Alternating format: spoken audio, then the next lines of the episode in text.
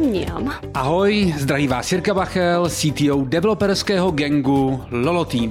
Minulý měsíc jsem od začátku covidu poprvé letěl letadlem a jako vždy jsem si letenky kupoval na kiwi.com. Už mě ani nenapadne se koukat někam jinam. O to víc jsem rád, že naše pozvání přijal Standa Komanec, VP of Engineering v kiwi.com. Protože mě strašně moc zajímá, co se skrývá za tím krásným rostomilým frontendem, co v Kiwi mají. Ahoj Stando. Ahoj, ďakujem moc za pozvanie. Tak, jdem na to. Standa zná Kiwi skrz na skrz, protože se ho snaží zlepšovat už skoro sedm let. A musí to dělat fakt, fakt dobře, protože to v Kiwi dotáhnul až na pozici VP of Engineering. Stando, dám ti otázku, kterou ti určitě už dlouho nikdo nepoložil. Co Kiwi dělá? Wow, ďakujem pekne za, za intro. Kiwi je vlastne virtuálny globálny superprepravca. To znamená, že chceme zákazníkov zobrať z hociakého miesta A na Zemi a dopraviť ich e, do hociakého miesta B na Zemi čo najlepším spôsobom e, pre toho, pre toho zákazníka, čo si on vyberie. Super přepravce, to zní cool. Eh, Hele Stando, a kolik lidí navštíví třeba kiwi.com? No. Za měsíc nebo za týden? Tak zaujím- zaujímavá možno metrika bude, že máme e, zhruba 3000 vyhľadávaní e, rôznych akoby leteniek za minútu na hlavnej Wow, stránke. OK, to je hodně. To je jako fakt hodně. Um, já vlastně jsem obrovský fanda Kiwi z toho pohledu, že to je jeden z takových těch globálních, dejme tomu B2C biznisů Mhm. a takže mě fakt nenapadne nikdy kupovat, ani se dívat na libovolnou konkurenci. Hele, koukal jsem se na váš obrat. A kolik vlastně se, kolik prodáte letenek Mhm. mm-hmm. e, za rok. A díval jsem se, že to je 12 miliard. A to je jako hodně slušný číslo. To, Nebo je to ještě víc? 12 miliard leseniek si myslím, že nebude úplne dobré číslo, že to bolo nejaké, nejaký akoby obrat, uh, obrat práve nejaký peňažný. Aha. Akorát práve tie účtovnícke čísla sú také docela, docela rôzne, takže, takže nie, nie, som si, nie som si akoby úplne istý týmto číslom. A ja myslím, že predáme okolo, alebo predcovidové čísla bolo, že sa predávalo nejakých 35 tisíc miest uh, denne. 35 tisíc jako letenek v jako sedadel, dejme. Sedadel. Sedadel. Sedadel, jo. To je denně. Jo, jo. 35 to je jedno středně velký český město. No, asi no. áno, asi áno. Hmm, OK, takže každý den přepravíte třeba z Nojmo z místa A do místa B celý. Tak, tak to vyzerá, áno. um, hele, a na jaký takový ty základní produktový části se Kiwi dělí? OK. Uh, máme, alebo v podstate organicky sme vyrastli do, do ak- akoby viacerých, viacerých tímov, ale keď človek otvorí kiwi.com, tak samozrejme je to docela, docela zložitý mechanizmus, ktorý je za tým. Nie je to iba o tom frontende. A dôležité je povedať ešte, ešte na začiatku, že nie je to iba ako náš frontend, ktorý je ako našim kanálom, tiež robíme nejaké B2B, to znamená, že poskytujeme API, alebo prípadne B2B2C, to znamená, že niektoré meta vyhľadávače na nás, na nás eh, preposielajú svoje akoby linky a svoje vyhľadávania. Mhm.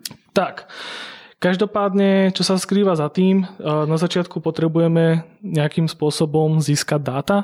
To znamená, že máme rôznych, rôznych providerov dáta, rôzne GDS systémy, ktoré Jo, dostaneme. vůbec musím utíkat. Já jsem si všiml, Ok. že, máte, že máte ještě segment třeba auta, ubytování a tak dále. To je jako něco, co tam děláte interně, nebo to je všechno jako outsourcované někoho To dalšího? je outsourcované. To je Jo, jo, jo, to je jenom čistě o tom, že to je jako součástí té přepravy a si to lidi. Je to- je to Jasně. To znamená, jako furt ten, ten hlavní core business je jenom je kolem letenek, protože Jo, jo, jo, jo jasný. presne tak. Uh, hele, um, já, já zkusím jako si to s tebou probrat vlastně, co to vlastně znamená zjistit tu letenku. A za mě úplně nejideálnější postup je uh, teďka půjdu na vaší stránku, jo, mm-hmm. naklikám tam, že chci letět uh, schválně, co tam je zkouším. Z Prahy kamkoliv, kdykoliv. Mm-hmm. Myslím si, že oblíbený hledání. Jasné, jasné. Eh, co se děje potom? Eh, Co, co potom musíte všechno udělat, abyste to pochopili? Tak, uh, je akoby niekoľko samozrejme systémov za tým na backendoch, ktorí, mm-hmm. ktoré práve obsluhujú takýto, takýto request. Mm-hmm. A v podstate vždycky, ak zadaš takýto request, tak sa ti dostáva nejaká odpoveď od nášho search systému, mm-hmm. ktorý sa pozrie do databáze a pozrie, pozrie sa na nejaké kombinácie, ktoré sú akoby najlepšie pre teba, respektíve podľa toho vyhľadávania, čo si si dal. Mm-hmm. A tuto sa snažíme už mať real-time engine, ktorý nám to dokáže práve vyhľadať tie správne kombinácie eh, v reálnom, v reálnom čase. Jako bez keše, že to jako ano. Na těch ne, ne, třech tisících za, za minutu, jako není, já jsem čekal, že tam bude cash, že jsem si říkal, to jo, vlastně to jsou vlastně věci, co by docela šly jako docela ja. dobře kešovat.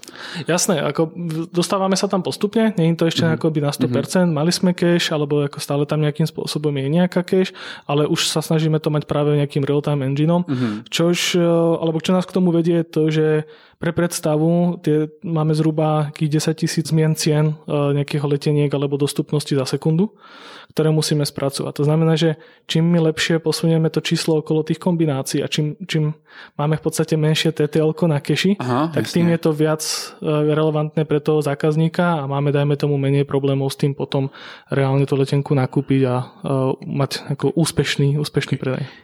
Promiň, 10 tisíc změn uh, v různých cenách, v různých destinacích jako letenek. To Růz, je... Různých letenek a bude to akoby o dostupnosti, wow. alebo je to teda o cene. Ok, tak možná si projdeme, jakým způsobem vlastně se o tom dozvíte, o té změně. Uh-huh. A tak, v podstate máme, máme nejaké akoby plány, ako, ako zberáme tie dáta. Začneme mm-hmm. ich niekde zbierať. Máme rôzne, rôzne systémy, rôznych akoby poskytovateľov dát, to znamená nejaké GDS, nejakých iných partnerov, cez ktorých to dostávame. A, tieto... a GDS to znamená to nejaké jako... Jo, sorry, to je, to je Global nejaký... Distribution System, to znamená, mm-hmm. že... To je nejaký standard teda. To dajme tomu štandard mm-hmm. v nejakom, nejakom traveli. Samozrejme, tých, tých systémov je v podstate viac. Mm-hmm. A tieto dáta nejako zozberáme, dostaneme mm-hmm. ich a po, potom si ich ukladáme do našej také hlavnej databázy, čo máme z CILu, kde ukladáme vlastne iba akoby surový záznam o tých letoch. To znamená, odkiaľ to letadlo vzlietne, kam priletí a uh-huh. kedy to je, aká je tam cena. Úplne uh-huh. jednoducho povedané. Samozrejme nejaké metadáta k tomu, ale uh-huh. ako, takto pre zjednodušenie. Potom za tým je akoby ten engine, ktorý už práve z týchto raw flightov vyrába tie kombinácie pre tých ľudí.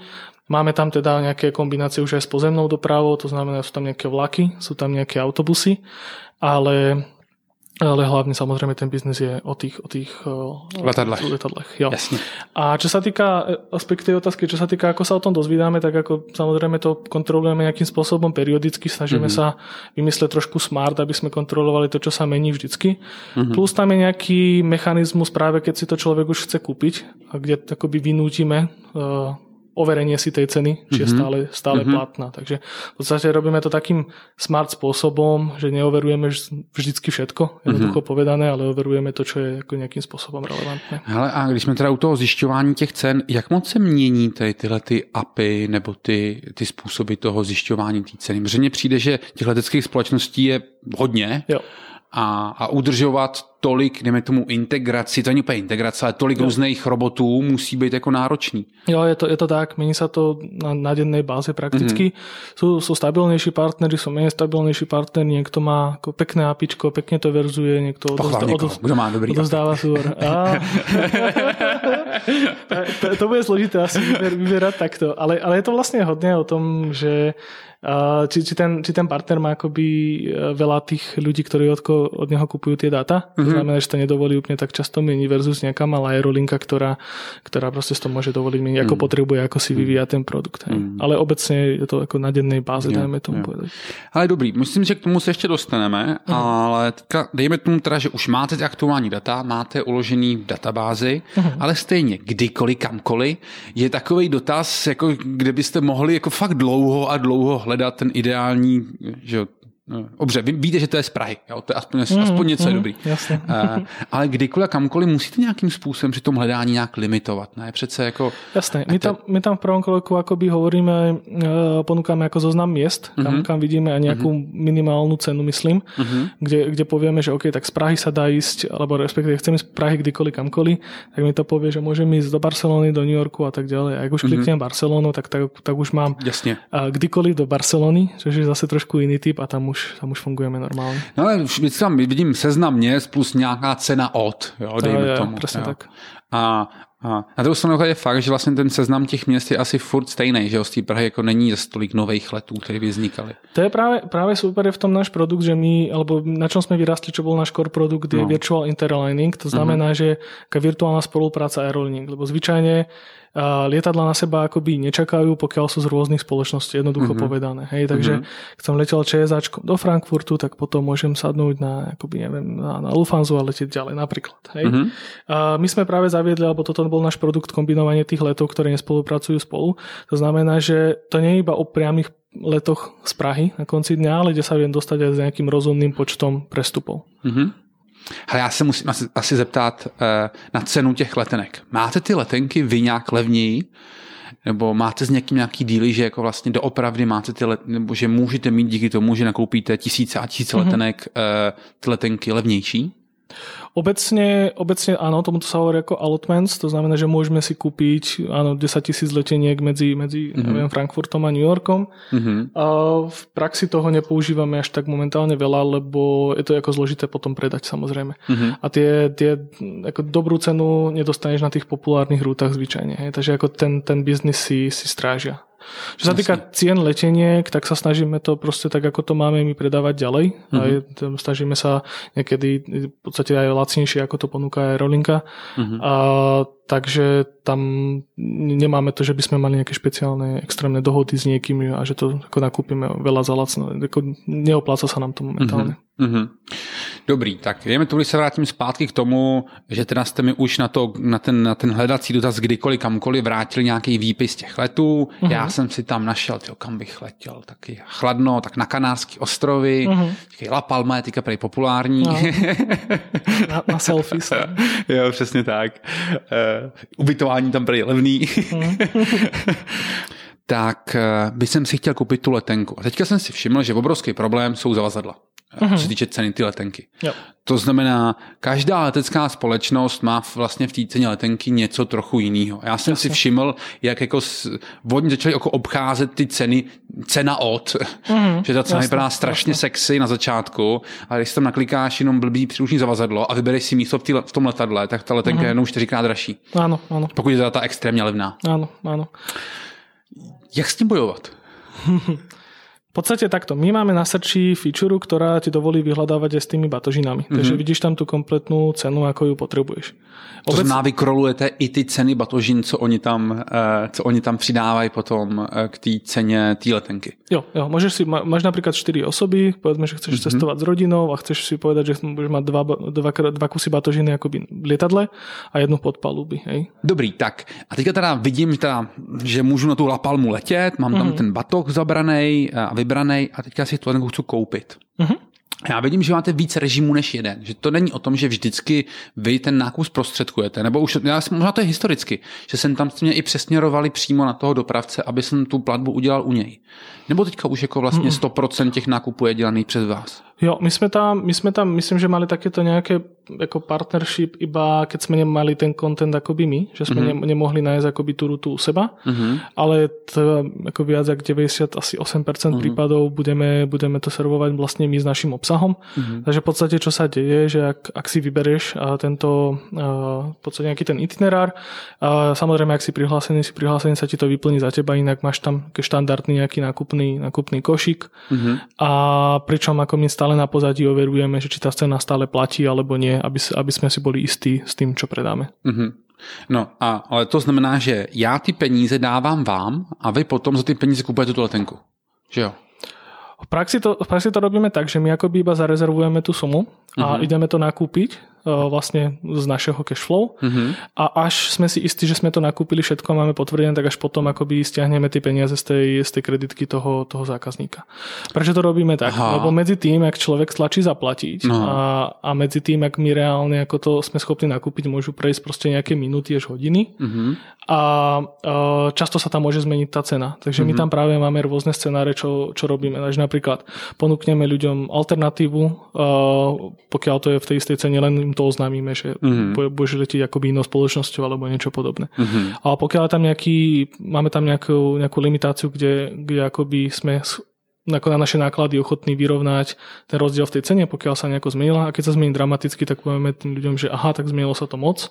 Mm-hmm. A buď teda ako vám vraciame peniaze, alebo to musíme doplatiť. Alebo, si, alebo alternatívu teda. Aha, chápu. Dobrý, takže a v tom mám letenku a No ale tam vzniká ten vtipný problém v tom, že vlastně jako tu letenku si koupilo Kivy, ne přímo já, uh-huh. ale já potřebuji dostat všechny ty dokumenty o té letence. To znamená, uh-huh. jsou tu nějaký e-maily s těma letenkama a tak dále. To všechno mi potom vy připravujete svoje vlastní, nebo už to přeposílání těch mailů od toho dopravce? Nie, to, pre, to riešime akoby my. My sa v podstate staráme v tom momente o celý servis. Uh-huh. To znamená, že keby sa napríklad zmenil ten LED alebo niečo podobné, tak to potrebujeme hlavne ako vedieť my kvôli tomu, že ten LED mohol byť v nejakej kombinácii. Takže my uh-huh. často musíme prepočítať celú tú kombináciu a skúsiť ten alternatívu za ten, za ten celý let. To znamená, že pre príklad, ja letím z Prahy do, do Londýna, z Londýna do Milána, z Milána, netuším, do Viedne. Okay? Uh-huh. Keď sa mi pokašle ten let medzi Prahou a, a Milánom, tak my musíme ako riešiť celú, celý ten itinerár, hej? Uh-huh. aby sme dostali toho uh-huh. človeka ako na to správne, uh-huh. správne miesto. Hej? Takže v tom momente preto to spracúvame my a preto pošleme ako zákazníkovi už možnosti riešenia, alebo samozrejme, keď, keď sú to nejaké malé zmeny ako v rádu, ako minút, tak pošle sa iba oznámenie, nejaká puška, letadlo sa posúva o 20 minut. A to teda znamená, že musíte všechny ty maily od toho dopravce pochopit, čeho se vlastně týkají a o tom notifikovat potom v té, jdeme tomu vaší šabloně té komunikace toho zákazníka. Ano. OK, to zní jako docela komplikovaně. No, máme, máme, máme taký systém v podstate uh, Ko e-maily sú ako jedna vec na rozpoznanie, to je, to je ako zaujímavé, tam, tam sa samozrejme dá o tom, dá o tom taký ako rozprávať dlho. Zaujímavejší systém podľa mňa môže byť ten práve, čo spracováva tieto zmeny, ale obec, obecne nejaké problémy, lebo to nie je iba o tom, že, že jedna aerolinka zmení nejaký režim alebo niečo, niečo sa zruší, niečo sa posunie, uh-huh ale využívali sme to, alebo často to využívame, keď sú nejaké ako také prírodné katastrofy, čo ovlivňujú, ovlivňujú letanie. Napríklad, keď vybuchla nejaká sopka v Indonézii, tak sme tých ľudí potrebovali dostať z toho ostrova, prípadne akoby prerutovať ten trafik okolo toho ostrova. To znamená, aby sa naň, keď tam mal niekto medzi pristáte, tak sme museli ako nahradiť tie lety a podobné veci. Okay. Takže sme, sme to používali práve, práve na toto. Prípadne, ak tam niekto potreboval odtiaľ odísť, samozrejme, mm-hmm. že ako Uh, ne, ne, veľa ľudí nechce byť na, ne, pri nebezpečnej sopke úplne, mm-hmm. tak, uh, tak sme ich potrebovali dostať vlastne odtiaľ hoci ako preč. A tam, tam sme ako využívali práve tento engine, ktorý trošku sme vždycky potvikovali, aby, aby dokázal akoby poslúžiť tomuto účelu. Prípadne... A to je ako ten engine, ktorý sa stará o výpočet té trasy, jestli to chápu správne. V podstate výpočet najlepšej alternatívy k trase. Jo, jo, jo. Aha. A kolik ofisů máte takhle vlastně? Ako kivy? Uh, no, to je dobrá otázka. Čo sa týka akoby R&D engineeringu, tak to máme v, v rámci Európy, ja si myslím, že ich 8 alebo 10. Ja skúsim vymenovať. OK, to, skús to. Čiže máme Prahu, Brno, uh, na Slovensku máme Bratislava, Košice, a potom máme Barcelonu, Londýn, uh, Belehrad, Ljubljanu, Zahreb, Split. OK, tak schválně si zjmenoval všechny. Oni, oni ti to kluci řeknou, kdybys náhodou někoho zapomněl. Do, docela hej, no. Minimálně ty československé jsou Tak všechny důležité pobočky máš. Takže tak, no a samozřejmě máme customer support, nějaké centra nějakých vendorů a ještě nějaké biznisové ofisy, nějaký malý v Americe a podobně. Jasně. Hele, já myslím, že můžeme pomalinku přejít. Eh, takhle, asi už chápu, jak velká elektrárna to je vlastně koupit si letenku. Jako, mm. Zní to jako výrazně komplikované, než jsem si to myslel. Ale jako už chápu, um, co tam tak strašně moc let tolik lidí dělá. Mm. A klidně můžeme přejít k vašemu frontendu. Mm. Um, a, a vlastně se tam rovnou v jakou víru věříte? Angular, React, Vue, jQuery, nebo Svelte? Máme, máme React momentálne, alebo respektíve posledných asi 5 rokov mm-hmm. si myslím. Riešili sme flow, preš, a, riešili sme flow a prechod na TypeScript, takže, mm. takže momentálne TypeScript. A, no a nejaký ten taký akoby klasický, klasický stack, stack okolo toho, nejaký Express a podobne. Ale ako, bola, bola to ťažká cesta, lebo mali sme tam v istú dobu asi ako 4 rôzne frameworky, včetne, včetne Angularu, včetne jQuery samozrejme, no. ako to tam dostaneš a včetne CanJS, takže. Ja si musím zeptat na to, na to flow, protože jako taky máme jako projekt, který když jsme s ním začínali, jsme si řekli, hele, dobrý, děláme React, takže jako použijeme mm-hmm. Flow, protože mm-hmm. Flow Jasne. a React jako je od Facebooku, tak logicky by to mělo jít ruku v ruce. Mm-hmm. No jo, ale jako dneska úplně Flow nefrčí. No, a, a, a říkáš si, jak dostat vůbec jako z velké aplikace Flow bez toho, aniž bys to jako fakt jako masivně přepsal. Protože to je spousta práce, všechny ty to, to je, no. komponenty přepsat. to je jako extrém, extrémná práca. Uh No, ako divite impera. Takže, takže proste pomaličky, po maličkých častiach. V tomto nám docela pomáha silné CI, musím povedať, že mm-hmm. veľa, veľa vecí sme robili tak akoby evolučne a nerevolučne. Mm-hmm. Znamená, že prvý krok povieš ako čo chceš, čo je ten tvoj ako endgame. V druhom kroku povieš, že ja to teraz budem kontrolovať, že žiadny môj nový kód nemá mm-hmm. tam tú starú škaredú vec, ktorú sa mi nepáči. Mm-hmm. Hej? A, takže ten nový kód tam postupne ide no a postupne, ak sa ľudia ako dotýkajú rôznych častí kódu, tak sú nutení to práve prepisovať do tých, do tých vecí, ktoré, ktoré tam chceš mať. Hej. A takto sme povedzme prešli, ja neviem, a tento frontend je to asi dobrý príklad. Pak sme prešli tak na Python na novú verziu pár rokov dozadu ako z dvojky na trojku, asi 4 roky dozadu. Hej. Uh-huh. Zase nejaké security veci, ktoré sme riešili a podobne aj takýmto spôsobom. A takže, uh-huh. takže toto tu by som apeloval na každého, až si dobre nastaví CI a celú tú pipeline, ktorá tomuto mm-hmm. výrazně pomůže. Mm-hmm. Hele, a co jste si vybrali pro mobilní aplikace? Je to opravdu jako nativní Swift a Kotlin lomeno Java, nebo... Už hej. Už hej? Jasné, ale jsme experiment z, z React Native. Uh, docela, no. ako trval asi rok alebo dva. A no, sme, sme to v podstate skrečli a vrátili sme sa k nativu. A víš proč? Mm, tak to bolo tam, bolo tam veľa dôvodov. Najhoršie asi podľa mňa, ale z, môjho, z môjho pohľadu, možno, že ako developer mm-hmm. povedal slightly niečo iné. Z môjho pohľadu bol problém, že my už sme mali hotové natívne apky, do čoho sme ako, ako doplácli ten React Native mm-hmm. a potom sme stávali okolo tie interfejsy a všetky veci, aby sa to dokázalo spolu baviť, aby tam mm-hmm. bolo jednotné trackovanie, jednotný appearance a podobne. A na, na konci dňa vlastne sme zistili, že nám hoci čo trvá vlastne dlhšie, že tá, tá teória o tej znovu použiteľnosti nie je taká pravdivá, mm-hmm. lebo to vždycky musíš trošku upraviť. React Native na webe nám ako vôbec nefungoval istú dobu. To, to, bolo, to sme ako zavrhli strašne. Jo, aby ste ako sdielali no. komponenty medzi webem a jo, to bol, to bol, to bol plán, hej. A toto, no, zavrhli no. sme to a vrátili sme sa, vrátili sme sa k Native, odstránili sme aj ten React Native z toho, čo už nám samozrejme ako na konci dňa strašne zrýchlilo aplikáciu, prípadne ako zjednodušilo mm. nejaké veci v tej, v tej appke, dokázali sme to modul, modularizovať lepšie mm. a podobne. Mm. Tak ja to chápu, že um, nemáte desetičlenní development tým, kde byste potřebovali každého vývojáře? Ako mať, mať máme, alebo respektíve vždycky sa dá nájsť e, ako nejaká práca pre tých ľudí na rozširovanie toho produktu, mm-hmm. nie, nie iba zmeny technológií, to je jasné. Pointa je ale v tom, že, že ja ako hovorím, ja no. si myslím, že keby sme boli začali stavať tú apku niekde na zelenej luke v React Native, alebo, mm-hmm. alebo v hoci ktorej technológii taká, ktorá ako sa to mm-hmm. snaží alignovať medzi tými svetmi, a, a to sú ako docela dobré, mm-hmm. tak, e, tak si myslím, že to je úplne ako iný príbeh, že, že nám to funguje možno lepšie. Yeah. No dobrý, takže ty nativní aplikace jsou Swift a Kotlin asi. Jo, jo, jo, jo, tak. Jo, jo, OK. Ale a jak moc, um, když srovnáš web versus Android a iOS, uh-huh. co vyhrává? Záleží kde. Overall je asi ešte trošku silnejší web uh-huh. a napríklad sú markety, kde je vidieť, že, že web už ako tak nebeží a mobile Aha. first sa ako začína používať v biznisovom slovníku hodne neužívajú v nejakom dizajnerskom. Okay. A typicky je to Ázia. Aha. Kde, kde tam tí ľudia ďaleko viac fungujú na mobile a dokážu ako, pracovať s mobilom. Taktiež uh-huh. ako ten web je, alebo respektíve u nás, u nás vidíme trend taký, že ľudia si, alebo ten, ten globálny trend je, že ľudia si kúpia často ten listok na webe a potom si spravujú ten booking už v aplikácii. To znamená, Jasne. že to samozrejme pre nich príjemnejšie, či už sú na letisku alebo kdekoľvek. Uh-huh, uh-huh, uh-huh. Co testy? Jak moc testujete eh, aplikace? Moc. moc.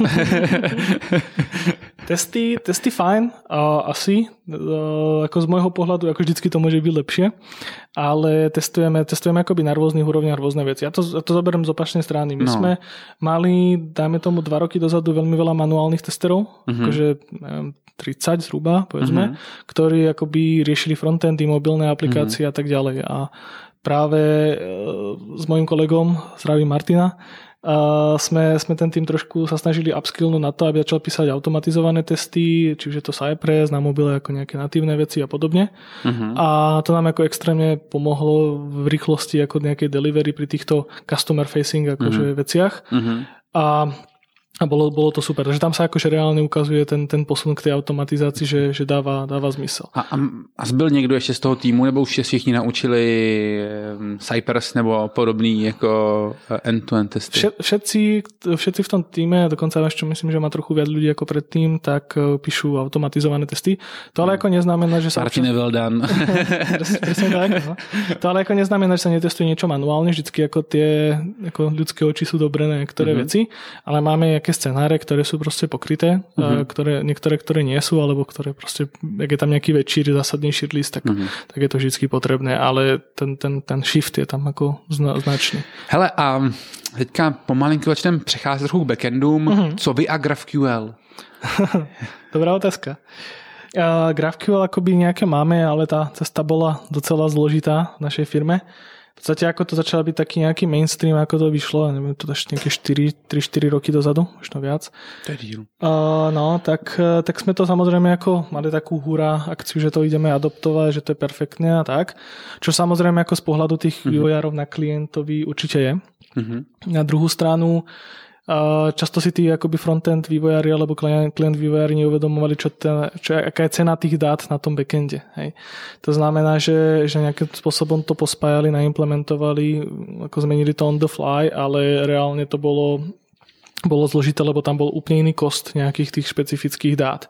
Že príklad poviem, že áno, celkom vieme rýchlo vrátiť akoby uh, informácie o itinerároch, že letím z miesta A na miesto B, ale napríklad zistiť možnosti um, ako usadenia sa v lietadle je docela, docela zložité a docela ako dráha, drahý kol. A to nie je akože iba ako na peniaze, ale aj časovo. Mm-hmm. No a, a to, toto viedlo k nejakým, nejakým takým problémom, kde sme nakoniec si uvedomili, že my to až tak akoby nepotrebujeme. Ale čo viac potrebujeme je robiť tie APIs uh, z backendu nie iba pre, pre nejakých B2B klientov, ale viac akoby klient špecifické Mm-hmm. To znamená, aby sme si dohodli, čo presne ten tá nejaká obrazovka, alebo čo ktokoľvek potrebuje a my to tam nejakým spôsobom dáme. A takto, takto nejako nám vznikne nejaká taká iniciatíva akoby backend for frontend, čo je nejaký taký middle layer medzi takými heavy backendami a zase frontendami slash klientami. Mm-hmm. A GraphQL máme akoby najdlhšiu, ktorá, ktorá je práve, ktorá vracia, alebo stará sa o vracanie search výsledkov. Tam sme zobrali trošku iný prístup a urobili to vlastne akoby backendiaci, kde si uvedomovali, čo sú tie kosty tých jednotlivých kolov a poskytujú a spravujú to stále, stále oni. A tam, tam si myslím, že nám to beží veľmi, veľmi pekne. Hmm. Chápu. A, a co performance? Jako u 3000 requestů e, za minutu eh, nebo hledání, hmm. to už tomu, že grafiku nepatří úplně jako mezi nejrychlejší nástroje. Nebo to hmm. jsem tak nějak jako, mm, jsme si mě měřili většinou. Mm-hmm. Nebyl to nějaký problém s tím? Performance, a myslím, že ani nebol problém, jo. v podstate to bola otázka škálovania nejakém, mm-hmm. nejakom, nejakom kroku. Tam ako šlo, šlo tam o to, respektíve takto, keď sme mali, keď sme mali nejakú veľkú promo akciu, tak jediná ako vec, ktorá, ktorá z toho neškalovala úplne dobre, bolo GraphQL, to treba ako povedať. Hej ale, ale obecne s tým nebol nejaký extrémny problém, že by to bol veľký, veľký mm. bottleneck. Ďaleko viac to ukázalo, ako je dôležité, aby tie týmy sa bavili spolu o tom, ako čo ten výsledný produkt má byť, mm. a, a aká je tam cena tých vecí, čo je ako zložité mm. a podobne. Dobrý, hele, a to GraphQL máte předpokladám v kombinaci asi s Node.js. Jo, uh, takto na tom, na tom backende to máme v Pythone, ale niektoré samozrejme máme akoby klientov Node.js. Jo, a takže jako Python a GraphQL taky? Jo, jo. jo. Tá, tá práve tá GraphQL, ktorú my to voláme teda Umbrella, Aha. ktorá vlastne vracia nejaké search resulty pre, mm-hmm. pre, pre klientov, tak je v Pythone. Mm-hmm. Okay. Čiže Python servuje GraphQL. Um, přešli jsme někdy nějaký srovnání, jako já vím, že, že jo, GraphQL nějak vzniklo kolem Node a většinou mm. s tím byli jako nejdál a ty mhm. knihovny kolem uh, Pythonu a GraphQL pohodě. Neměli jste nějaký problém s tím, že by něco tam chybělo nebo ještě nebylo? Jo, jo, zo začiatku to bolo trošku o tom, že sa robili nejaké kompromisy práve kvôli tomu, že to nebolo úplne akoby celkové. No. A, ale myslím, že časom sa to nejakým spôsobom odladilo, mm. že to nerobí, nerobí žiadny problém aj na performance a tak. Mm. A by the way, ďalší problém, vlastne, to som si spomenul, tak GraphQL ešte bol to, že on, on je dizajnovaný na to, že dostane akoby jeden endpoint, Čož v našej, našej architektúre nejakých microservices a single responsibility a podobne no, bolo hodně zložité a respektíve museli bychom to hackovať. Mm-hmm. To znamená, nastavit toho klienta na víc endpointů nebylo úplně jednoduchý asi. Ne, no, nebo, nebo nějakou proxy a podobné věci, Jo. které Jo, jsou, jasně. jsou zložité. No. A nějaký Chápu. on, on, on flight. A, hele, a takže, jaký, jsou- takže mm, Python je asi hlavní jazyk na backendu u vás. Mhm. A Node, tam je okrajově asi, Ja, nebo? okrajové, jasne. A ještě něco? Máme ešte Golang Aha, a máme ešte C++. jo. A Hele, nějaké men, menší jazyky ještě. podle, když teďka začnete něco psát, podle čeho si vyberete, jestli použijete Python, Gočko, C++, nebo Node.js? Mhm. OK, Node.js podstate sú to technológie hlavne okolo, okolo frontendu. Mhm. Tam, tam asi nikde inde to nepoužívame, že to by to bolo čisto backendová služba v Node.js, myslím.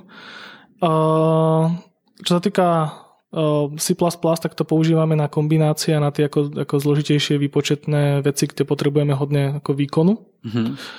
A Python je taký nejaký univerzálny nástroj na, na ako rýchle, ako, nie že prototypovanie, ale ako rýchly vývoj docela a vie s ním samozrejme robiť najviac, najviac ľudí z Kiwi. A Go, Go je tak napomedzi medzi C++ a, a, a Python pre Mhm. nás, lebo už nám tam dáva nejaký komfort, nejakú bezpečnosť a nejakú rýchlosť. Na druhou stranu ten, ten vývoj nie je až taký rýchly ako v Pythone. Mhm. Hele, a když- se dostanu k tomu C++, tak v tom je napsaný ten algoritmus, který vyhledává tu nejkratší cestu z místa A do místa B, jestli to chápu teda správně? Mm, do ktorej rieši kombinácie, Kombinaci, a, a, a hľada. Áno, áno, áno. Kdy vlastně ten performance asi jako je Ano. velká. Jo. presne tak. Mhm. OK.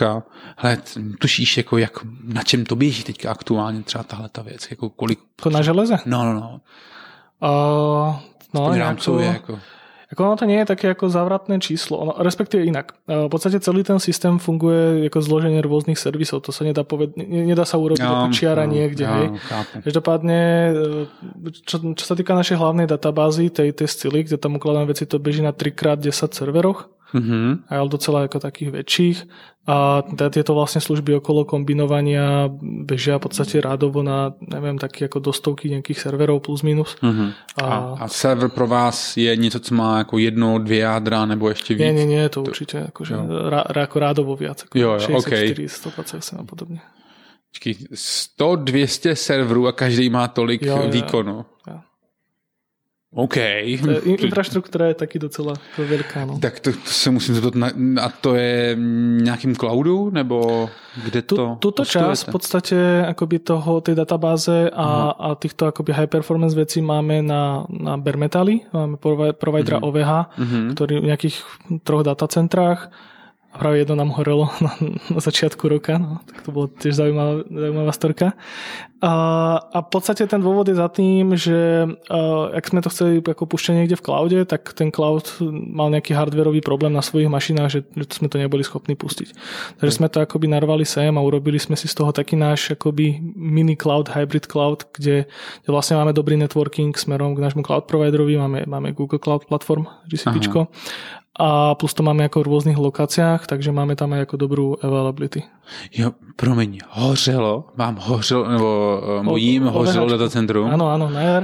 Na jar ja si myslím, že to bolo v březnu nebo dubnu. A ako reálne fyzicky Ú, boli OK. tam ako fireman a podobne. Takže sa nám ako za pár minút nám sa strátilo ako desiatky serverov. Napriek tomu, tým, ak sme to mali ako postavené uh, celkom, celkom zaujímavo, celkom dobre, tak uh, my sme bežali ďalej bez nejakého extrémneho impaktu na customera. OK, Predávali takže, sme všetko. takže dualita, nějaká redundance zafungovala. Presne tak. Hustý. A testujete to někdy? To většinou, to, to sem, firmy říkají, že to mají, ale nikdo to netestuje. No ako tie testovania nie sú také nejaké periodické, aké sme mali, ale urobili sme veľa krokov potom mm-hmm. samozrejme. Mhm. Nemáme to ešte proaktívne, že by sme to ako ako, ak to povedať, automaticky testovali každé dva mesiace, mm-hmm. lebo niečo podobné, Mhm. ale máme, máme dobre nejaké runbooky a nejaké mm-hmm. manuálne stepy, ktoré nám to dokážu povedzme rozbehnúť v nejakom cloude. Mm-hmm. Ako docela rýchlo, keby sa stalo niečo takéto. Jasně, jasně, jasně. Hustý. Hele, a máte teda jenom jednu databázi na všechno? Jsi zmiňoval uh, Skalu, teda Cila. sporuj, Jo, poviem. uh, z Cilu.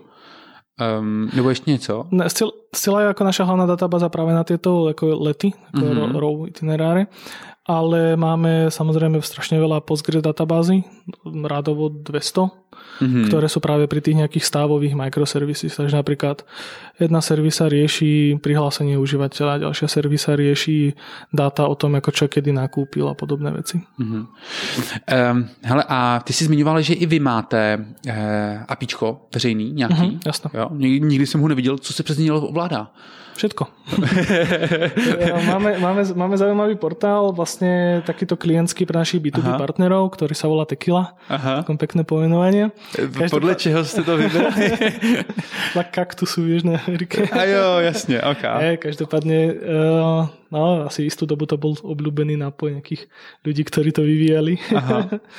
A Každopádne v Tequile sa dá zaregistrovať a dá sa, dá sa vybrať e, nejaký, dostane človek nejaký akoby e, svoje IDčko. Mm-hmm. A potom je tam úplne akoby verejné, verejné API, ktorým sa dá vyhľadať, takže vrátime letenky, a dá sa tam, dá sa to zabukovať zase s použitím nejakého depozitu, mhm. platobnej karty, akokoľvek vlastne. Takže keď, keď máš blog, môžeš si napríklad, buď si použiješ náš widget, čo mm-hmm. si dáme akoby frontend kód a mm-hmm ak ti dojde nejaká návšteva na tvoj web a klikneš k nám, tak ono ho to ako presmeruje, mm-hmm. alebo si to ako pracne urobíš a, a skováš to APIčko niekde na backende. Ne? V podstate mm-hmm. ten tvoj zákazník ani nebude vedieť, že kupuje cez nás. To znamená takovej ten jako, počkej, celý proces bych tím zvládl, nebo jenom ten výběr těch letenek, nebo, nebo Cel, to koupení? Celé, aj zaplatenie, aj nějaké zpravování. Za to, znamená, jako nad tím APIčkem bych mohl napsat z Kivy 2, nebo ne? Ano. Jo? Ano, v podstatě ano. Okay. Máme partnerov, ktorí sú akože vyložení business to business. Aha. To znamená, že oni si tiež riešia nejakých svojich dodávateľov a sme niekedy často jedným z tých dodávateľov. Jasne. A, ale ale nie je to a, jako náš hlavní fokus. Jo, jo, to chápu, no. ale, ale, ale přitom vaše frontendy tohle apičko nepoužívají. Ty mají to GraphQL, áno, tomu. Áno, plus minus, áno. Akože na, na konci dňa to ide na, na to rovnaké, ale ide to akoby rôznymi cestami. Mm-hmm. A toto je GraphQL, niekde tam máme nejaké akoby také obálky na ten práve backend for frontend alebo nejaké podobné veci a súčasne tamto, keď to ide cez tekilu, tak zase tam sa trekuje, koľko tých requestov ide a podobné veci, takže zase to ide niekam inám, ale na konci to dojde na nejaké search API, no. ktoré ako jeden no. tým providuje von. Hele, tohle jsem nedávno řešil. Jestli když teda mám na zobrazení mýho webu nebo mobilních aplikací GraphQL a vím, že tam potřebuji i veřejný API. Mm-hmm. Jestli jako dát na všechno GraphQL, Hmm. A nebo jako zrušit GraphQL a mít jako jedno restový apíčko pro frontend i ty třetí, i ty třetí strany. A nebyl jsem schopný, nebo uh, zajímal mě tvůj pohled na tu věc. Uh, co z, záleží, jakých máš klientov. Napríklad v našom svete, často keď sme implementovali nejakých mm-hmm. partnerov, už aj REST bol dosť pokročilý, no. lebo, lebo typicky niektoré tie firmy majú štandardy proste v XML, RPC, dokonca to má nejaký štandard, čo sa volá NDC, ale to je, to je úplne jedno. A akože bolo to v tomto stave, takže vtedy, vtedy už aj ten REST bol docela akoby pokročilý. Takže GraphQL Jo a ne, hej, záleží, jako kdo to bude mhm. implementovat mm-hmm. na konci. Jako, jako za mě jako dávat GraphQL jako veřejný API pro libovolný backendáky je takový, že najít knihovnu GraphQL, která kombinuje backend to backend GraphQL je neobvyklý. Mm. Jo, jo, jo, jo. jasné.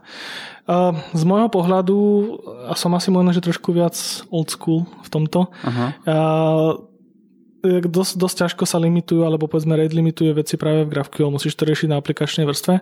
Ešte keď to riešiš ako akoby jeden HTTP request nie, že to má všetko nejakom post body, tak zrazu dokážeš na, na CDN alebo na nejakom mm-hmm. DDoS protection ďaleko, ďaleko lepšie pracovať s tým requestom. Ja hovorím, že to nejde. Väčšina mm-hmm. tých CDN alebo nejaké tie majoritné otvoria ten request a dokážu sa tam pozrieť. Samozrejme je to už o výpočetnom výkone, mm-hmm. ktorý je ako o pár radov vyšší, ako keď to je na úrovni HTTP requestu. Mm-hmm. To znamená, že bys mi doporučil mít jednorestový API. ja by, asi, asi hej, a záleží, ale to hovorím, záleží na, na tých tvojich klientoch, jasně, akože čo chcú. No. Jasně. Uh, hele, a co používáte na nějakou komunikaci mezi jednotlivými instancema? Uh, OK, message bus, Uh-huh. To záleží väčšinou, e, takto nemáme žiadny centrálny enterprise service bus, ktorý, uh-huh. ktorý by riešil komunikáciu medzi všetkými services. Uh-huh. Máme to v rámci, v rámci nejakých domén. To znamená, že máme dajme tomu 400 tých microservices, ktoré nám bežia nejakých produkcií, ale oni sú vždy združené do nejakej domény. Typicky uh-huh. search, hej, alebo um, booking alebo niečo podobné. A tam, tam je ich rádovo, dajme tomu 30-40. A medzi tam, tam sa dorozumievajú medzi sebou, ako v podstate potrebujú. To znamená, že keď sú to nejaké dosť výkonné aplikácie okolo Searchu, tak je tam nejaké a, v podstate protobuffery a podobné veci. Mm-hmm. A Často je to v podstate nejaký REST medzi backendovými aplikáciami, kde potrebujeme asynchrónnu komunikáciu, tak sa to ako rveň do nejakej štandardnej queue, sú tam nejaké mm-hmm. workery a podobně. Mm-hmm. Hele, a jak to řešíte jako vlastně z dostupnosti té databáze? Protože přece jenom jako Kiwi už je globální firma, mm-hmm. běžíte všude na světě a logicky to zvyšuje náklad, nebo mm, problém toho, kde databáze vlastně je uložená. Mm-hmm. Jak to děláte? Používame na to práve také cloudové riešenia. To znamená, uh-huh. že využívame eh, Cloud SQL databáze, čiže ako jo. Postgres, ktorý ti beží jo. na nejakom jo. Eh, high availability mode. To znamená, ten cloud dělá za vás a vy, to musíte, vy si nemusíte trápit. Operations, uh, áno. Jo, jo, no, presne jo, tak. Jo, jo, jasně, jasně. Um, ale kdyby si mohl tvoje backendiáky se něco pochválit za poslední rok, mm-hmm. a co by to bylo? Backendiáky, jo? No. Uh, ja si, ja si myslím, že veľa, veľa vecí sa celkom ako fixlo na Pythone tým, že sa začali používať trošku viac typy a, a podobne, že ten kód začína vyzerať, vyzerať lepšie. Mm-hmm. Veľmi zaujímavé riešenie máme v jednom týme práve okolo toho, že sme si uvedomili, že ten tým začína robiť nejaké, alebo respektíve ten tým rieši hodne stavový problém, to je o tom, aký je stav toho bookingu uh-huh. a do, či sme ho už ako zabukovali, či nie a podobne. A tam došli s nejakou architektúrou, ktorá a systémami okolo toho, ktorá vlastne ako dobrý stavový automat, ktorý je uh-huh. nádherne ako viditeľný, transparentný a vieš tam pekne modelovať tie procesy, takže to už je také to je trošku akože beyond ten backend, hej, že trošku je to nad tým, lebo je to už architektúra, ale je to fakt, fakt super vec, ktorá má obrovský potenciál. Mm-hmm. Mě spíš zajímá ještě jednou ta vaše kešování. Eh, obecně, jako jak moc teda těch keší tam máte, nebo vůbec nemáte a vlastně se jich snažíte zbavit, aby to TTL bylo co nejkratší. Otázka, čo je akoby cache v tomto, v tomto mode. To znamená, ak sa bavíme o tých nejakých itinerároch, mm-hmm. tak postupne sa toho snažíme zbavovať a zase to nejako robíme od tých jednoduchších, ideme k tým mm-hmm. zložitejším a postupně to privádzame. Ne, já ti popíšu, proč to fascinuje, protože vlastně já znám jenom opačný případ, jak všichni jako začali s tou keší, pak přidali tu, tu, tu a tu mm-hmm. a tu, mm-hmm. ale vlastně pro vás vlastně výraz toho, že to děláte dobře a, efekt, a, a vlastně rostete je to, že zmenšujete množství keší, aby tam bylo co nejvíce mm-hmm. real-time těch dat. No. Že díky tomu ta služba vlastně lepší. Jasné. To je hustý. No a ako samozrejme cache je štandardná vec, ktorú ako no. milión po, tých systémov používa v štýle no a currency rate, hej, a máme nejaký, nejaký kurz, ktorý mm-hmm. si mhm. držíme niekde v nejakej cache, má tam nejaké TTL, všetky systémy mm-hmm. ho mhm. využívajú, to centrálne, aby, mm-hmm. aby tie systémy vedeli sa rozhodovať na základe rovnakých dát. Mm-hmm. Tam, tam je to jasná ako cache. No, ne, mě to, no. i, i pro nějaký DDoS je to jako super, když se, musí se vás sem tam někdo pokoušet schodit, ne? Jo, to, to jako denně, denně máme. Jo. No, jasné, jasné. Máme niekoľko útokov ako denne, či sú väčšie, či sú menšie, to ako záleží. Máme dobre nastavený DDoS protection, používame uh, akého CDN providera ako Cloudflare, ktorý, mm-hmm. kde to vlastne takto máme poriešené na základe akoby nejakých endpointov. Mm-hmm. A u nás je to docela challenging, alebo je to docela zložité kvôli tomu, že my máme verejné API. Mm-hmm. Že my, my až tak moc neriešime scraping, lebo ako kto by nás scrapoval, keď môže mať API. Mm-hmm. Hej, a skôr je to o tej API protection a podobne, kde strašne pomôže, že máš nejakého veľkého hráča, nejakého cdn alebo niekoho, kto, kto má reálne povedomie o tom, čo beží na internete. Mm-hmm. Cloudflare rutuje, myslím, že nejakých 12-13% celého internetu, čo je mm-hmm. obrovské číslo mm-hmm. o sebe. Takže oni ako tušia, že čo sa deje, kde sú aké aktivity a dokážu, povedzme si, dokážu dať skórek nejaké IP adresy alebo upozorniť na podozrivú aktivitu a tak ďalej. A ty už môžeš tak buď, buď manuálne, semiautomaticky, alebo automaticky práve, práve toto riešiť. Mm-hmm. Mm-hmm. Jasne. Stando, a trochu k managementu. Jak máš ty lidi pod sebou poskládaný? uh, podstate vo firme máme nejakú logiku dual leadershipu, čo sa snažíme mať, že, mm-hmm. že každý tým by mal mať zodpovednosť, alebo to každý tým má ako dve role a dve rôzne zodpovednosti, to znamená mm-hmm. za to, čo sa ide robiť, to je tá produktová strana, a za to, ako sa to technicky ako spraví, čo je tá akoby technologickejšia strana. Okay? Mm-hmm. A, takže to mám... znamená tým lídra produkťák. Pr- áno, plus minus tým lídra produkťák, ale pre mňa to je akože VP of Engineering, VP of Product, hej, mm-hmm. CTO a CPO. Hej, a potom mm-hmm. na konci to môže byť per projekt, povedzme. Mm-hmm. A Ja, má, ja mám pod sebou akoby také nejaké platformné týmy, to znamená, že tie, ktoré sú centrálne a poskytujú nejaké služby akoby interným zákazníkom. To znamená, e, je to infraštruktúrny tým, takže e, cloudy a infraštruktúra, mm-hmm. to je nejaký software platform, či už frontend, alebo, alebo respektive clients, alebo backend, to znamená best practices pri vývoji akých aplikácií, knižnice, CI/CD, nastavenia a podobne. Application security, to tiež patrí tak viac menej k tomu. A potom tam mám e, vlastne tri produkčné týmy, jeden práve ten search, data acquisition, ako sme sa bavili o získavaní dát a kombináciách a ešte tam mám akoby frontendový alebo klientský tým, ktorý rieši práve tú search stránku s tými resultami a takisto ako aj SEO optimalizácia. Mm-hmm, mm-hmm, jasně. Hele a mm, kdo nejčastěji vlastně jako říká, co bude Kiwi dělat teďka jako, jako produktově, dejme tomu, co bude další feature? Mm-hmm. To asi, já chápu, že jako, možná mi spíš ještě jednou řekni, kolik vás v tom vývoji je. Je tam, je tam okolo 400 jako engineers a celé R&D jako s produktem dokopy má okolo 500 lidí. To je neuvěřitelné číslo. Jo, jo. To je jako...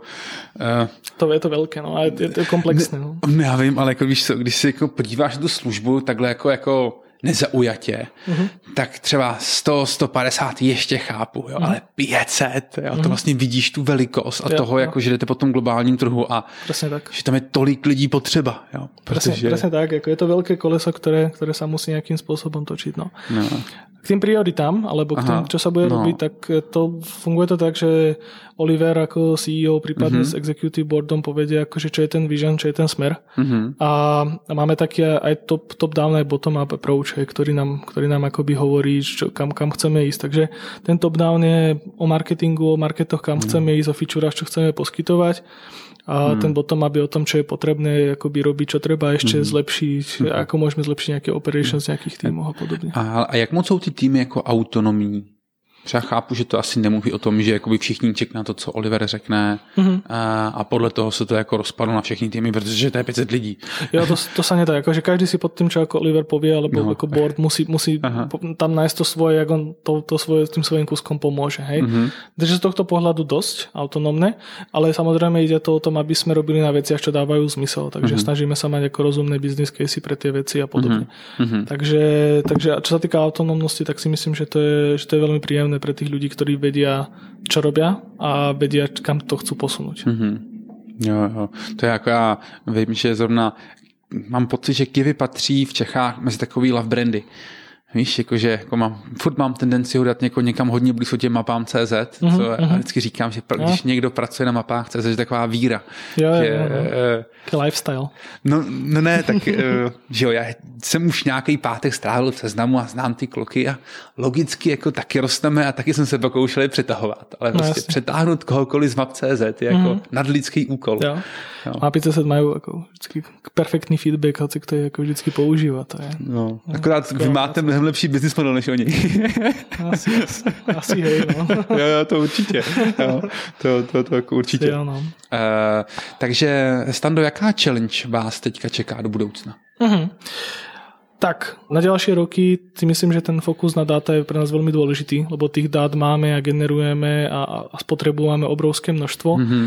A Dlhodobo to je o tom, že každý tým to robil nejako po svojom, ale potrebujeme tomu dať ako správnu architektúru a staviť si tie správne procesy, aby sa tie dáta potom dali či už použiť na, na machine learning alebo mm-hmm. na nejaké analýzy a mm-hmm. hocičo. Takže fokus na dáta je pre nás, pre nás ako veľmi, veľmi dôležitý a bude, čo sa týka ako technológií.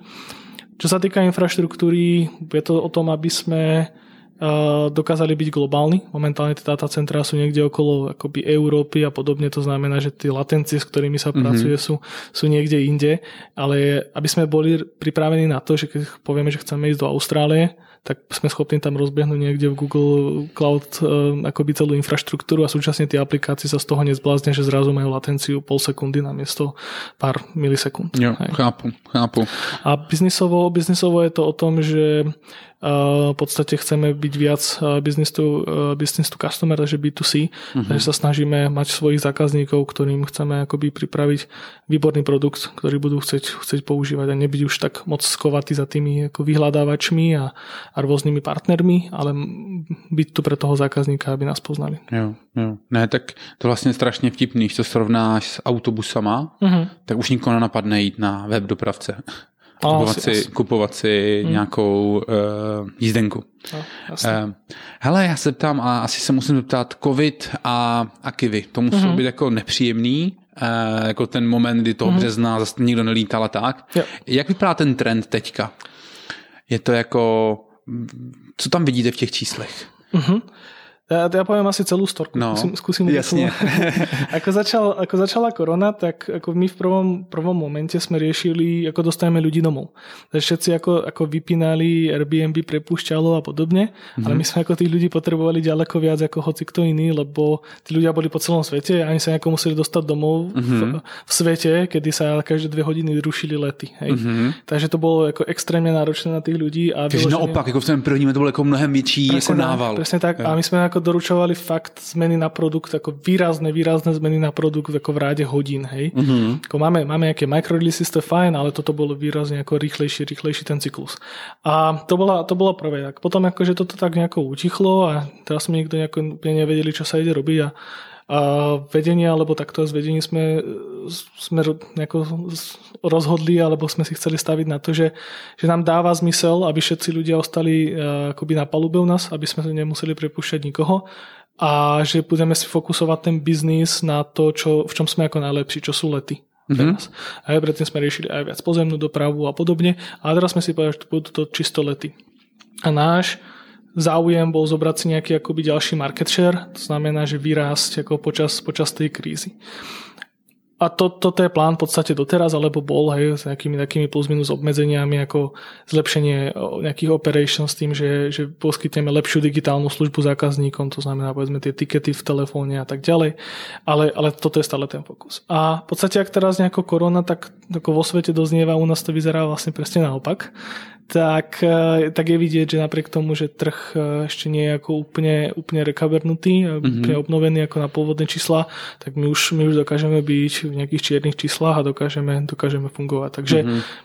tá naša stávka na tých, na tých našich ľudí, že sme, že sme skúsili zužiť ten fokus a robili sme na to, na čo sme ako museli, tak vlastne vyzerá, že, že je veľmi, veľmi zaujímavá. Čo sa týka toho marketu, stále to nie je úplne ako 100%, to je ako vidieť, že stále ľudia samozrejme nosia rúška, masky a tak ďalej.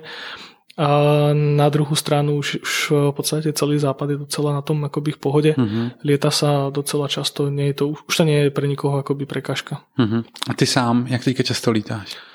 Zatiaľ, zatiaľ docela málo, práve budúci týždeň plánujem ísť uh-huh. do Londýna takto, uh-huh. ale, ale zatiaľ menej ako spred korony. Uh-huh. Aj ten, ten svet ako preniesol trošku do toho digitálu, hlavne v tých ako biznisových veciach, Jasne. ale zase ako, vždycky ten, ten uh, ľudský kontakt, pre, hlavne pre tých, čas, pre tých s- membrov toho týmu je dôležitý. Takže. Je, je. Ale já jsem třeba jako jako letěl teďka nedávno a vlastně jsem byl milé překvapený, že to vlastně bylo lepší, než jsem čekal. Uh-huh.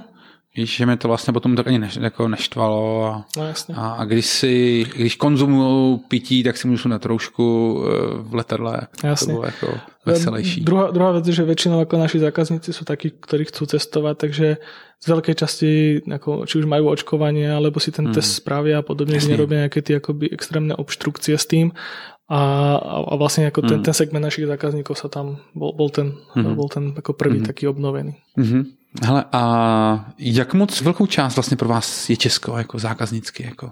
Jak moc jste hodně populární tady v Čechách? To sme, ale ako celkovo predajú, to sú ako, jed, neviem, či to je vôbec ako v rádu nejakých jednotiek percent, Jo, myslím, že niečo jo, ako jo, docela jo, malé. jo. Každopádne chceme sa sústrediť viac ako na, na tieto, na, na to domáce markety a my chceme, Hmm. chceme samozrejme trošku posilniť viac tú pozíciu tuto. Jo.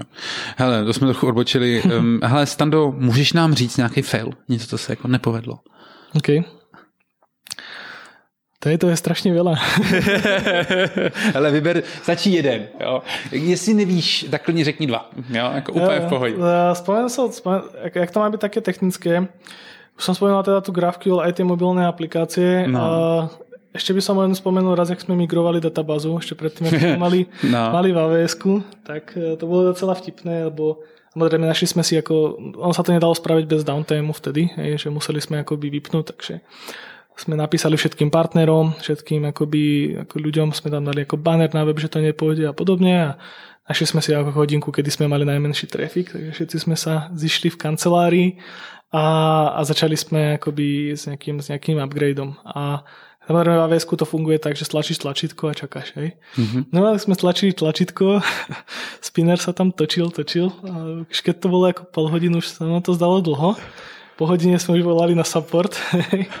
A, takže sa nám to ako úplne, úplne nepodarilo zmigrovať. A najhoršie bolo to, že my sme vlastne absolútne nemali k nej prístup, lebo tým, ak to máš ako black box hej, v, v tom cloude, Aha. tak ako nemá šancu okrem supportu s tým vôbec, vôbec nič spraviť. Oni mám zvedli telefon na supportu a to je tak už vlastne tohle ako vlastne umění. No, jo? akože mali sme platený support, alebo jo. stále máme na týchto, týchto veľkých, veľkých uh, akoby provideroch, ale mm ale zdvihli nejako, bolo to no. ešte pain a mali sme nakoniec výpadok, myslím, že nejaké 3 hodiny, ale a bolo to docela nepríjemná situácia, kedy sme fakt nevedeli, čo, čo s tým robiť, lebo v nemáš, nemáš moc šancu jako s tím nič spraviť v tom, v tom momente. 20-30 vývojářů kúka na točící spinner na AWS. No, no presne, presne tak nejako. Ako každopádne zálohy boli, nebolo to úplne o tom, že by sme stratili nejaké dáta alebo podobne. No. Mohla tam byť nejaká nekonzistencia, akurát to je jasné, ale problém by bolo, ako, že na tú databázu sa pripája strašne veľa ako systémov a podobne. A takže... čím to bylo? Uh, No, pomali sme tam akoby nejakú vyloženie procedúru napísanú, ktorú Aha. už tá nová verzia nepodporovala, Aha. ale v tom nejakom akoby príčeku od mm. toho AVS to, mm-hmm. to prešlo cez to. Jo? Takže to bola, to bola trošku ako chyba ako na obi dvoch stranách a ako hlavne na našej samozrejme, keďže, keďže sme, e, keďže je to náš biznis na konci dňa. A, mm. uh, takže samozrejme to vedlo k tomu, že sme spravili trošku lepší proces, že to vždycky sme testovali potom nejakom dry rune mm-hmm. a reálne ako kopiu z tej databázy ako pustiť na tej, na tej vyššej verzii. A na konci dňa sme prešli k takým veciam, že povedzme máme na každú tú databázu akoby DNS-ko to znamená, že máme nejaký akoby alias, ktorý to presmerúva na tú špecifickú databázu, takže, takže my sme schopní spraviť upgrade ako hodne, hodne rýchlo teraz, mm-hmm. vzhľadom na to, že uh, ako jo klikneš, ale stará verzia ti beží, niekde sa ti spúšťa nová na, na novšej verzii, necháš to dosynchronizovať a proste atomicky prepneš iba ten, ten DNS záznam na tú, na tú novú práve. Takže mm, jo, pomohlo, to, pomohlo to veľa, veľa procesom na konci. Hele, a jaký byly tvoje reakce, když vlastně uběhla ta hodina, furt to nefungovalo a ty víš, kolik lidí, ten tlak a všechno, to no. muselo být jako... Bolo to, bolo to ťažké docela, ako už sme si vraveli, že samozrejme sme riešili backup plány a to sa, to sa vždycky rozbíha strašne tá diskusia. A ešte toto, a ešte toto, ak tam je ten adrenalín, no. v prostredku noci, hej, takže že docela to bolo také, no, ako nič moc. Každopádne vymýšľali sme asi ako, neviem, 5 riešení, čo s tým v štýle, že skúsime pozberať data odtiaľ, odtiaľ, odtiaľ vyrovnať tie nekonzistencie a podobné mm-hmm. veci. Hej. Ale ako bolo by, to, bolo by to pre nás dosť, dosť zložité. Mm-hmm. Lebo e, to, že ako nefunguje databáza je samozrejme problém, ale keď ty máš ako dáta o, o nákupoch, pri ktorých si ako není istý, či si komu niečo predal, respektíve v nejakej tej polhodinke si mohol predať, nemusel, hej, ako, od tej zálohy a podobne, takže to, bolo to jsou tisíce a tisíce sradel, co tam co takhle prodáte. Jo, jo, jo, no. A to není úplně málo peněz. Vtedy to bolo menej, ako to bolo pár rokov dozadu, ale, ale určite to nie je málo hmm. peňazí a hlavne to bol obrovský load na, na customer support, lebo tí hmm. ľudia by volali, že to nevidia, alebo že čo sa stalo, prípadne že niekto by si myslel, že kúpi a pritom by sme to tam nemali a podobné veci. Takže ako nekonzistentnosť dát, to by bolo, to by nás hodně, hodně bolelo. Hmm, chápu. Hele, Stando, díky, že jsi na nás udělal čas. Jsme moc rádi, že teďka chápeme, jak to v Kivi funguje. Jestli máte chuť si poslechnout, jak to funguje i v dalších známých českých firmách a startupech, nezapomeňte nás odebírat. Brzy naslyšenou. Ďakujem. Ahoj, ahoj. Ďakujem, ahoj. Wow. Máme za sebou další Scripty Show. Přihlaj se k odběru, aby slyšel další slíkačky. A jestli máte zájem zatancovat si s námi u tyče, tak za námi přijďte do klubu na adrese www.lolo.team. Pa, pa.